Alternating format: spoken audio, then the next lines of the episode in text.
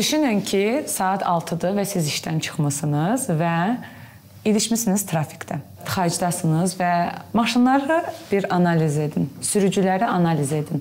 Görün nə görəcəksiniz. Özəlliklə siqnal üzərində oturan sürücüləri bir analiz edin.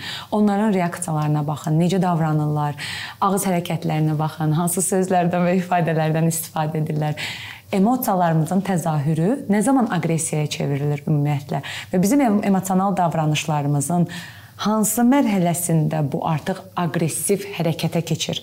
Bəli, bugünkü mövzumuz emosiyalar və aqressiyadır və emosiyalarımızın idarə edilməsi zamanı aqressiv davranışlar və ümumiyyətlə emosional danışıqla aqressiv danışıq arasındakı fərqləri Orxan Şapazla birlikdə müzakirə edəcəyik. Xoş gəlmisiniz Orxan. Çox sağ olun, təşəkkür edirəm.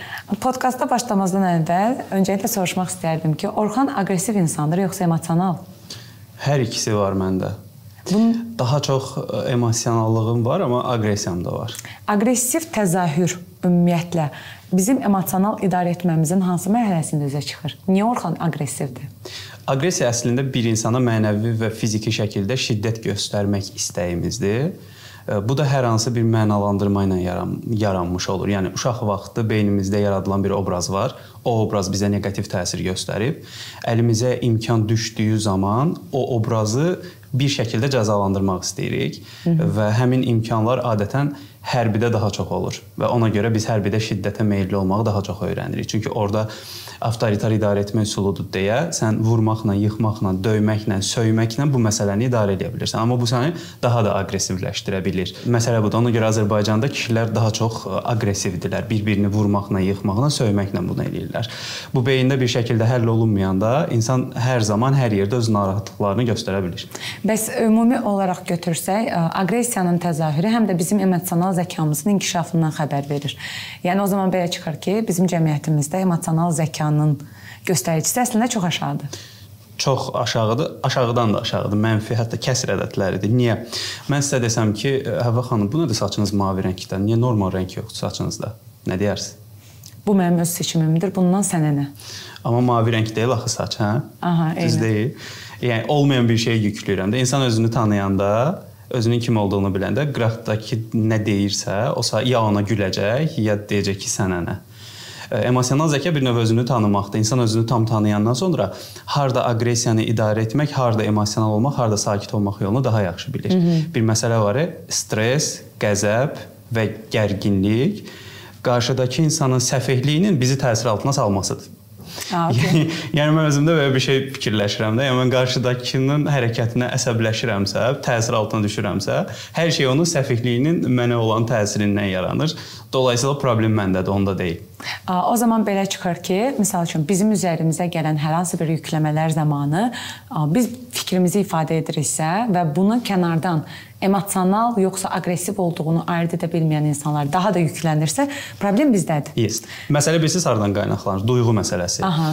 Duyğularını ifadə edə bilən insanlar, duyğularını ifadə edə bilməyən insanları idarə edirlər. Hı -hı. Aqressiya və emosiyanın nə olduğunu, proseslərin necə olduğunu duyğusal olaraq özündə ifadə edə bilən insan rahatlaya bilir və yaxud daha da gərginləşə bilir. Məsələn, necə ola bilər ki, deyək ki, münasibətdə olan iki insandır, oğlan xanımına quzu desə əzizləmə mənasında onun xoşuna gələcək. Amma qoyunum mənim desə xətm edəcək. Niyə?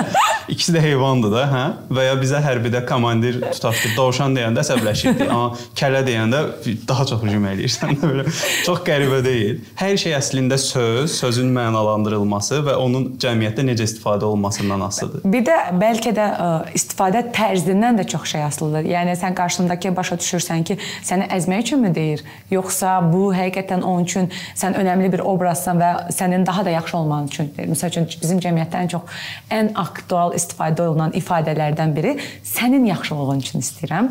Ya da Sənin yerinə olsaydım. Sənin yerinə olsaydım ki, tənqid olaraq qəbul eləməyin, ha, inkişafınız üçün deyirik ki, mənim də bloqda ən çox qarşılaşdığım ifadələr sırasındadır. Yəni bir insan bizim yaxşılığımızı bizim qədər istəyə bilərmi? İstəyə bilməz. Bir də ən mən bir dəfə status yazmışdım ki, ona ən qeyri-səmimi insan həmin insandır ki, tutaq ki, nəsə kinini tökür və orada belə bir şey yazır. Sizi həmişə izləyirdim, fikirləriniz xoşuma gəlirdi. İndi burada bu deyiləm.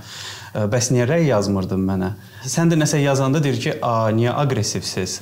Eynən. Axı mən aqressiv deyiləm, sadəcə sual verirəm də. Sən ağzına gələni yaza bilirsən, amma mən ağlıma gələn cavab verəndə mən niyə aqressiv oluram ki? Hı -hı. Məsələ budur. Aqressiv adamlar daha çox ağzına gələni danışan adamlardır. Beyni çönür, ağzına gələni deyir və sən ona tutarlı cavablar verəndə o sakit durur və ya da ki daha çox şiddət göstərməyə meylli olur.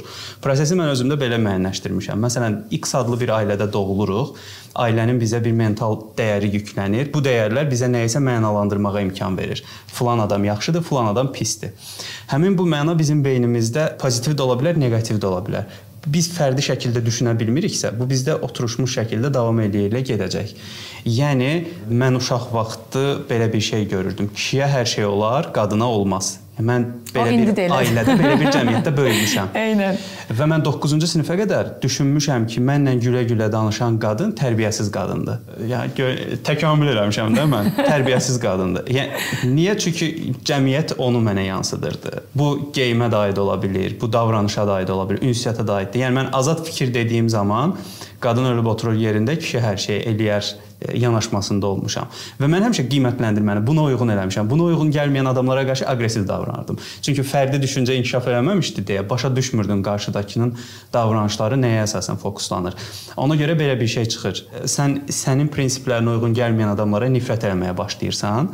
Bu səndə aqressiya yaradır və məqsədinə çatmamış nifrət də şiddətə çevrilir. Ona görə şiddət göstərən adamların davranışlarında əslində oturmuş bir nifrət var. Onlar toplanır və şiddət formasını yaradır. Bu şiddətlər də sistematik şəkildə aqressiv formada insanın qarşısına çıxa bilər. Onda belə çıxır ki, əslində aqressiya bizim zərərverici tərəfimizdir, emosiya bizim konstruktiv tərəfimizdir. Eynən, emosiya duyğuların ifadə olunmasıdır. Hər kəsin bir duyğu ifadə etmə şəkli var və bunlar da ideologiyalarla assosiasiya edilir. Məsələn, silah əlimizdədir Düşmən öldürsək qəhrəman oluruq, insan öldürsək qatil oluruq. Amma düşmən də insandır. Yox, o insan deyil, düşməndir. Çünki ortada bir ideoloji məsələ var. Hı -hı. Mən bunları bilmədiyimə baxmayaraq xüsusi təyinatlarda xidmət eləmişəm. Orada orada döyüşmüşəm. Yenə olsa yenə eləyəcəm. Çünki ideologiya artıq oturub sənin beyninə. Yəni ortada homo sapiens məsələsi deyil, ideoloji məsələdir. Yaxşıdır, pisdir, hamısı ideologiya ilə assosiasiya edilir. Bizə uyğundursa yaxşıdır, uyğun deyilsə pisdir. Əslində məsələ də budur. İnsan insandır. Məsəl üçün olur da ki, siz də kimsə izləyirsiniz. Məsəl üçün siz bəyənmirsiniz, amma mən bəyənirəm. Və biz bunun belə müzakirəsinə çıxırıq. Siz deyirsiniz ki, sən niyə bəyənmirsən onu? Mən deyirəm, bəs sən niyə bəyənmirsən onu? Və burada belə iki fərqli ideologiyanın müzakirəsi gedir. Hətta bu bəzən münaqişəyə qədər aparıb çıxara bilər. Çünki bu artıq asılıdır fərdlərin nə dərəcədə müzakirə apara bilmə qabiliyyətindən. Gəldiyim nəticə odur ki, bizim cəmiyyətimizdə insanlar müzakirəyə başlayır Artıq sözün bitdiyi yerdə üzr istəyirəm. Bu belə deyildi.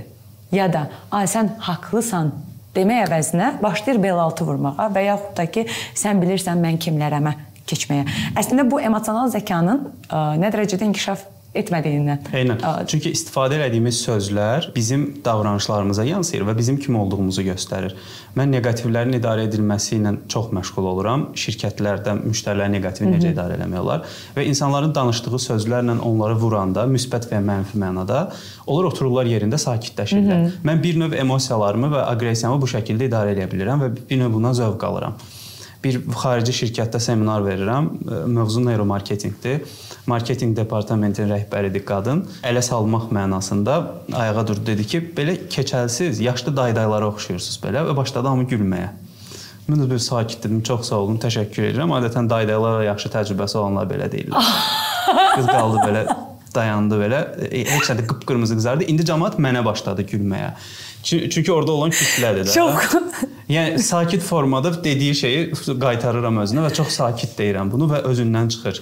Fikir verin insanların əksəriyyətində nə var? Mən çox səbirsizəm, özümdən çıxıram, mən bir dayana bilmirəm. Bir növ adam neqativlə özünü həm də bir bəraət qazandırır ki, mən əsəbiyəm, vuracam da səni, gəlmə. Amma sən sakit formada qalaraq çox yaxşı sözlərlə yerində otuzdura bilirsən. Bir e, şey var fəlsəfədə. E, deyir iki samuray bir-biri ilə mübahisə eləyir. Sonra həmin samuray gəlir ustadının yanına, sual verir ki, ustad mənə cənnətlə cəhənnəmin nə olduğunu izah elə. Ustadı deyir ki, sən geri zəkalısan, nə biləcəksən bu nədir?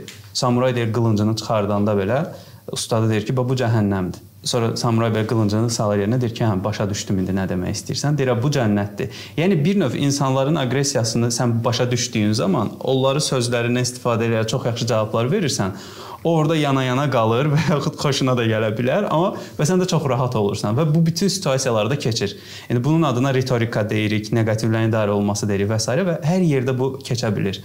Hətta yəni mənə böyük auditoriyalarda belə siyasi provokativ suallar veriblər ki, bu haqqda nə düşünürsüz? Çox yaxşı cavab verib çox rahatlıqla çıxa bilirsən vəziyyətdən. Baxın, o hissəyə gəldikdə, o bunların hamısı əslində nələrinsə təzahürüdür.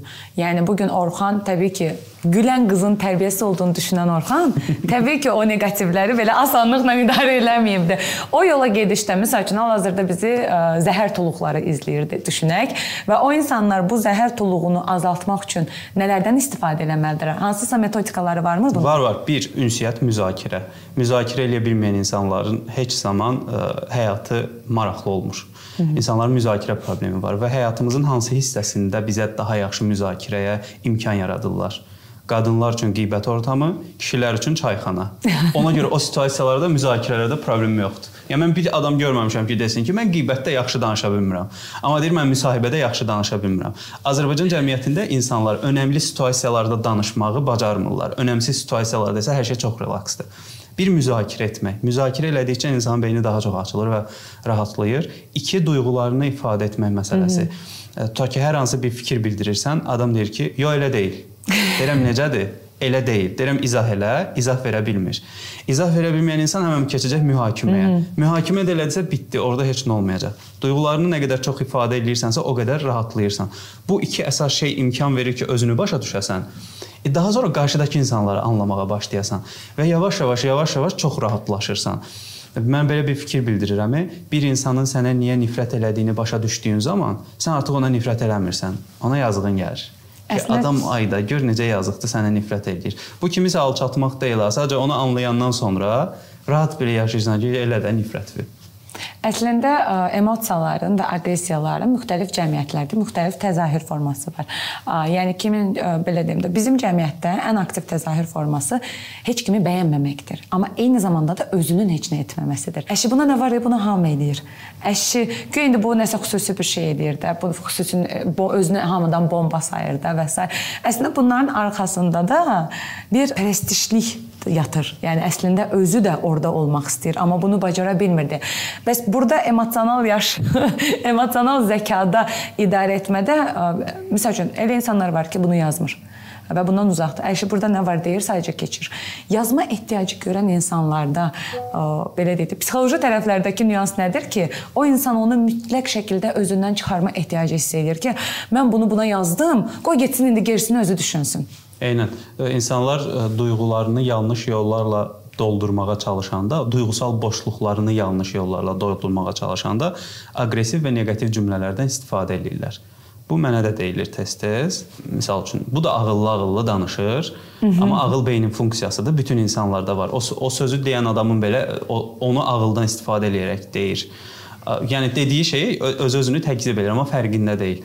Məsələn, bir qadın bir dəfə yazmışdı ki, yazıq gül kimi saçları var imiş, laçın kimi oğlan imiş. Məsələn, əslində mənə yazığı gələrək yazır bunu və dayanmadan like eləyirlər.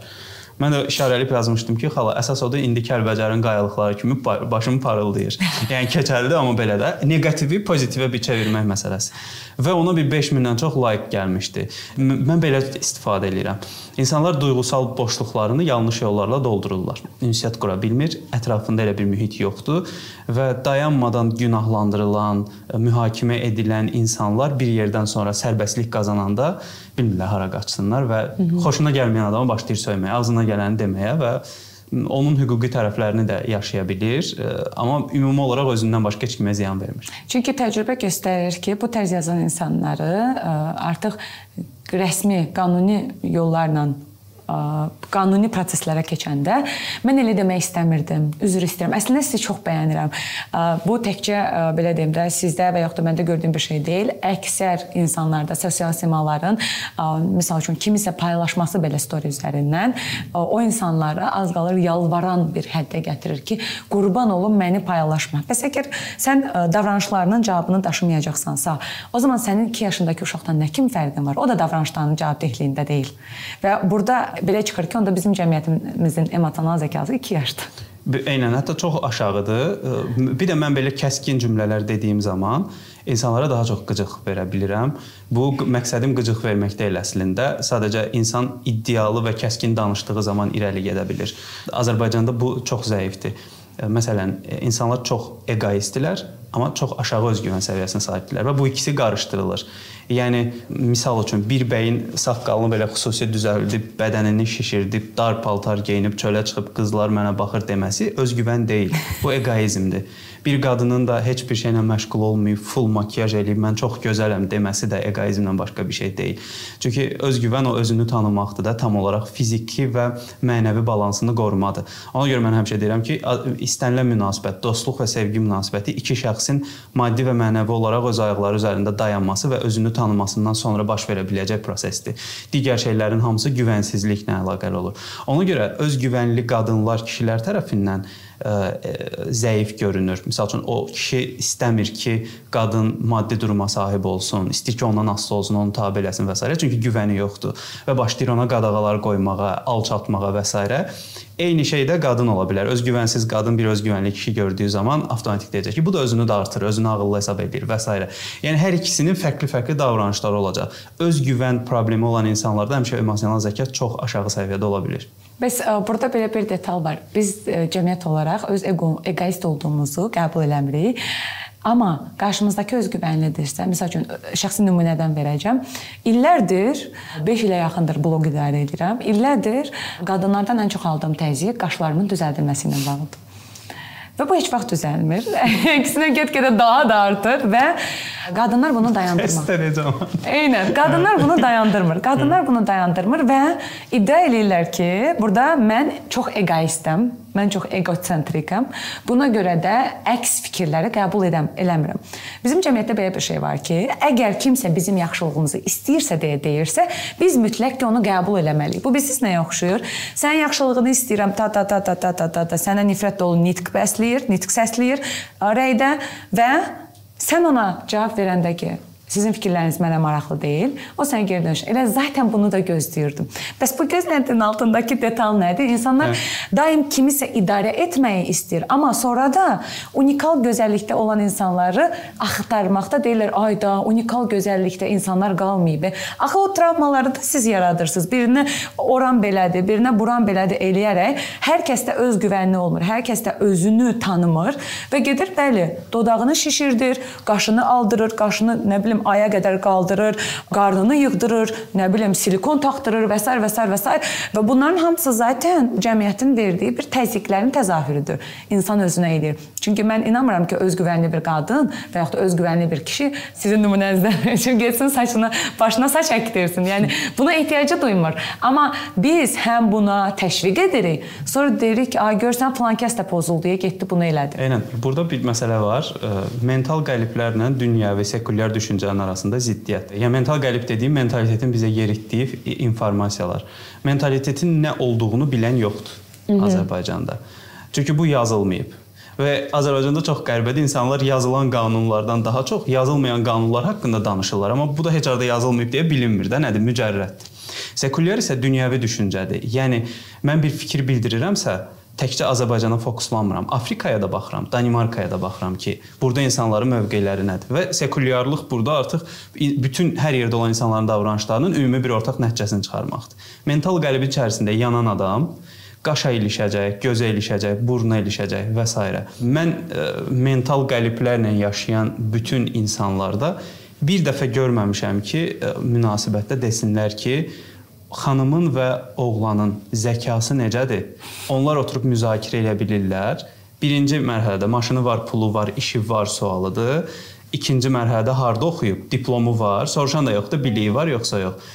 Bu da mental qəlibdir. Yəni bu məsələlərdən sonra da sosial məsələyə yansıyanda adam oturur telefonun qarşısında baxır deyir ki, bəlkə də kimsə yadına düşür də, qonşularından kimsə ona söz atıb, onun da qaşları sizin qaşınıza oxşayır. Hirsimi burdan çıxır. Eynən. Hə, belə bir şey eləyir. Bir mənim hərbidə olan bir tanışım var idi, hərbiçi yoldaşım idi və çox 3 nöqtə olan adam idi da əlinə bir imkan düşmüşdü. Sosial mediada mənə söyüşlər yazırdı və mən onu hüquqi şəkildə tap tapandan sonra hə, bildim ki, həmin adamdır. Boynum büküb belə dayanmışdı. Çünki hərbidə o qədər incimişdi, o qədər sözünü deməmişdi, o qədər deyə bilmirdi ki, və mənə aqressiyası var imiş ki, ilk imkan tapan kimi onu söyüşlə ifadə etməyə gətirib çıxarıb. Yəni bunlar hamısı normaldır, amma mən bunun da qarşılığında və xanım heç vaxt sakit durmaq, yəni heç nə olmamış kimi belə, "A, relax, nə bilim nə kainata mesaj göndərirəm. Dem eləmirəm. Mən neqativ idarə edirəm və hazır cavablıq, ünsiyyət və yerində otuzdurmağın tərəfdarıyam. Məncə Azərbaycanda tolerant olduqca insanlar sənin başına çıxır. Zaten onu yaşamışam. Məsəl üçün deyirlər ki, buna zaman ayırmayın, bunu eləməyin. Amma məsəl üçün o neqativlərin üzərinə getdikcə onların azaldığının da fərqinə varıram. Yəni neqativlərin üzərinə getmədikcə əksinə insanlar elə düşünür ki, bizdə belə bir şey var. Həyasız da ona söz demə. Əslində orada o mövzu həyasızlıq mövzusu deyil. O mövzu odur ki, mən heç vaxt hazır deyil olmamışam mənim dediyim sözün üstünə kimsə qayıtsın. Çünki adətən bizdə necə öyrəşilibdi, özəlliklə qadınlarda. Kimsə sənə deyirsə ki, qaşın belədir, o sakitcə durur. O demir, sənin ümumiyyətlə öz qaşından xəbərin var və yaxud da ki, mən belə bəyənirəm. Sənə nə? Bunu eşitməyiblər deyə avtomatik bunu eşitdikləri anda onlar bir şok yaşayır. Bədən bir culture şok yaşayır. Mədəniyyət şoku yaşayır ki, axı mən öyrəşməmişəm, beynim bu cavaba öyrəşməmişdi. Beynim bu cavabda hazır deyil buna cavab vermək və onu nəyə çevirirlər? Aqressivsiniz. Yəni aqressiyanı özlərinə sərf eləməyəndə çevir. Yəni sən normalda çox yaxşı insansan, amma sən mənə cavab qaytardığın üçün aqressivsən və bizdə ə, e, belə bir təzahür formasıdır ki, biz adətən öyrəşmişik ki, insanlara deyək ki, sən mənim dediyim hər şeylə razı olmalısan. Məsəl üçün mən öz bloqumda fikrimi ifadə eləyirəm və ə, bəzən belə şərhlər alıram ki, bu sizin fikrinizdir. Tamam da mən öz bloqumda yazıram. Yəni mən bunu hansısa kanalda ifadə etmirəm ki, sən də belə elə və yaxud da ki, demirəm ki, mən beləyəm, sən belə ol. Məncə Bizim insanlarımız o məncə, mənim fikrimcə, mən belə düşünürəm şeylərinə o qədər hazır deyillər ki, publikaya oynamağa o qədər açıqdılar ki, onların insanların real düşüncələri onları bir növ öz qəliblərindən çıxardır. Öyrəşilməmişlər dediyimiz o detallarda. Bir dəfə bir debatdaydıq. Çox dindar bir adam idi. Dinlə heç bir əlaqəsi yoxdur, amma özünü dindar adlandıran bir adam idi. Dedi ki, indiki qızların hamısı pozulublar, fahişəlik eləməyə sevirlər. Kişilərdə də şeylər gedir. Üzdən iraqlıq gedir belə. Dedim ola bir sual verim. Bir debat gedir. Dedi buyurun. Dedim maşın sürürsüz? Dedi bəli. Dedim piyada keçid dedi. Bir tərəfdə fahişə dayanıb, bir tərəfdə üzdən iraq dediyiniz oğlan. Yol verməyəcəksən qalıb belə. Deyirəm, hə desən, prinsipinə zidd çıxırsan. Yox desən, qanunu pozursan. Sənin şəxsiyyətin tam olaraq kimdir? Bu da belə qaldı. Deyirəm, bilirsən niyə cavab verə bilmirsən? Çünki özünü böyük insan hesab edən bütün insanlar sadə suallarla sınırlar. Həmişə. Çox sadə şeylərlə rahatlıqla onları sındırmaq mümkün olur. Böyük mürəkkəbliyin içərisinə salır ki, indiki qızlar belədir ki, adam məsuliyyət daşıyır bu ifadəyə görə ki, sən bunu araşdırıb sonra nəticə çıxarmalısan. Və ümumi olaraq da yanlış danışır. Bir də beynəlxalq kritisizm metodologiyası var, tənqidçilik metodologiyası. Burada üç əsas detal var. Mən bundan elmi məqalə yazmışam. Tənqid elədiyin mövzunu bilməlisən 2 mühakimə yox, müzakirə etməlisən, 3 təkliflər verməlisən. Yəni mənim tənqid elədiyim məsələ Həvva xanımın xarici görünüşü olmalı Hı -hı. deyil. Fikirləri ola bilər ki, və fikirlərində də Həvva xanım bu səhvdir deyə bilmərəm. Deyə bilərəm ki, mən düşünürəm ki, belə olsa daha yaxşı ola bilərdi. Yəni mən düşünürəm ki, belə olsa. Çünki Həvva xanım orada obyektiv yox, subyektiv fikir bildirir. Öz fikridir. İnsanlar öz fikrinə görə necə səhv çıxara bilərsən? Obyektiv bir məsələ olmalıdır. Yəni bu prosesi də insanlar anlamırlar. Bu da kökü gedir çıxır ailə, sonra təhsil, sonra digər-digər proseslərə ki, Azərbaycan cəmiyyətinin kökü düşüncə və təhsilə dayanan deyil, mentalitetə dayanan. Hı -hı. Bu reallıqdır. Qəbul eləsək də, bunu eləməsək də. Ona görə insanların həyatı maksimum nə olur? Maşın, ev, cinsi məsələlər və salam. Bir də Eynən. göstərişə meyllilik. Paylaşırsan ki, şəxsi təcrübə yaşamışam ki, sizlə çox gözəl bir şey paylaşacağam. O storyyə, o hekayəyə 250 mesaj geri dönüş gəlir. Onun 200 odur ki, hamiləsiz təbrik edir. yəni bizim cəmiyyət üçün bir qadının ən böyük uğuru baxmayaraq ki, onun artıq uşaqları var və o belə deyək də o status dövrünü keçibdi, o uğur dövrünü keçibdi. Yenə də çox gözəl bir şey paylaşacağam hissəsində sən mütləq ki, hamilə olmalısan ki, uğurlu qadın obrazını qoruyub saxlaya bilərsən və bundan o tərəfə keçə bilmir. Və bunda da podkastımızın yekununa doğru gəlmək istəyirəm ki, bizim ən azından əlimizdə bir şansımız var ki, yetişməkdə olan cəmiyyəti dəyişə bilək. Çünki bizdən fərqli olaraq həmin o yetişməkdə olan cəmiyyətin limitsiz resurslara çıxışı var. Yəni biz indi-indi bu tərs podkastlara qulaq asa biliriksə, bəzi onlayn kitablara çıxışımız varsa, o gənclərin bunu 1 yaşından etmə şansı var. Və biz bunu necə edə bilərik? Məsəl üçün 5 yaşındakı bir uşağı necə emosional zəkasının istiqamətində doğru yön verə bilərik? Əgər özümüzün emosional zəkamız zəifdirsə. Mən bacım qızlarına qaz içkiləri e, o forma ilə tərk etmişəm. Mən beynimdə belə bir şey qururam. Ne, necə eləməliyəm? Təcrübə, sorğulamaq, nəticə təcrübə, sorğula və nəticə. Məsəl üçün, mənim bacım qızı bubble tea-ni çox xoşlayır. Bubble tea-ni 9 manata aldıq e, oraya yazılıb coconut milk. Kokos südü olmalıdır. Amma qıraqdan baxıram ki, mağazada satılan 2 manatlıq südü tökülür ora. Və ona demirəm, bax elədir. Zaten pulu verib almışam. Ona da elə hiss elətdirirəm ki, Aylin, Dəniz, bax orada onlar görürlər onu. Deyir ki, day day, bəs orada coconut milk yoxdur axı. Mən də heç nə demirəm. Aldı, içdi, dadı xoşuna gəlmədi. Deyir, day, deyəsən bizi allatdılar, e, belə. Deyirəm ki, yox, əslində allatmırlar. Falan falan falan şeylər olur. İzah verir. Təcrübəni yaşatdım, izahını verirəm və başlayır adam sorğulamağa. Növbətdə deyir ki, hə, düz deyirsən, bu belə deyil. Yəni qadağa qoymaq əvəzinə sor, izah ver, təcrübədən keçirdib izah verib və onun sorğulamasına imkan yaradandan sonra qat-qat yaxşı nəticələr əldə eləyəcək. Çünki mənə heç zaman izah eləyərək nəyisə öyrətməyiblər. Qadağ eləyərək öyrədiblər və bu da problem yaradır. Və daha texnologiya da onun kimi, yəni neynəsən də Google-u qadağan eləyə bilmərsən. O yenə də ora girəcək. Amma yönləndirməni bu şəkildə eləsən, sistem daha effektiv çalışacaq. Bu bir növ biz bir də bir də çox Aha, üzr istəyirəm. Elə bir növ belə bir şey olur da, yaxşı oxu, telefondan istifadə eləmə, amma telefondasan və kitab oxumursan. O da onu baxacaq, ona uyğun elə. deyəcək də. Bir dəfə mən bacım qızları ilə bir tədbir aparmışdım özümdən. Böyük tədbir idi. Açıq büfe idi orada. Sırada dayanmışıq. Mənə dedilər ki, Orxan bəy keçin də irəli iştirakçılar. Dedim, yox, sıranı gözləyirəm. Bacım qızı gördü mənə belə baxır. Deyir ki, dayı, sən sıranı gözləyirsən, onda mən də səni gözləyirəm. E, yemək götürürəm, görürəm mənə baxır, görüm dayım necə götürür yeməyi, mən də elə götürüm. Yəni bu belə olur da. Bu o, buna oxşaya-oxşaya gedir. E, bu sistemi qurandan sonra mexanizm daha yaxşı işləyəcək və e, istədiyimiz nəticəni ala bilərik. Amma mən yenə də heç nəyin düzəlməyəcəyinə inanıram. əslində bu bilirsiniz necə? O deyir mən tərbiyə verirəm, amma əslində o özü çox böyük nümunədir. Deyirlər uşaqlara telefon olmaz, qadağadır, planşet olmaz, internetdə çıxış olmaz. Amma heç kim də demir ki, uşaqlara doğru telefon istifadə istifadə etmək öyrətməliyik və yaxud da doğru planşetdən doğru məqsədlər üçün istifadə etmək öyrətməliyik. Bu bir növ onun kimidir. Yəni biz özümüzdəki məsuliyyəti bir növ uşaqların üzərinə atırıq. Hansı ki, onlar ümumiyyətlə bununla necə baş edəcəklərini belə bilmirlər. Çox təşəkkür edirəm sizə qoşulduğunuz üçün podkastıma. Çox maraqlı görüş oldu. Belə ninja mamalar ə, və ninja valideynlər, mən bəzən ninja mama deyəndə atalar yazır ki, bəs biz də izləyirik sizi, biz nəyi falan. Ninja valideynlər, əgər siz bu mövzu haqqında fikirləriniz varsa və şəxsi təcrübələriniz varsa, rəy bölməsində yazmağı unutmayın. Bu arada Ninja Mama podkastına dəstək olmaq istəyirsinizsə, izahat hissəsindəki linkdən kofe al bölməsindən bir kofe ismarlayaraq da dəstək ola bilərsiniz. Hələlik növbəti Ninja Mama podkastlarında görüşənə qədər.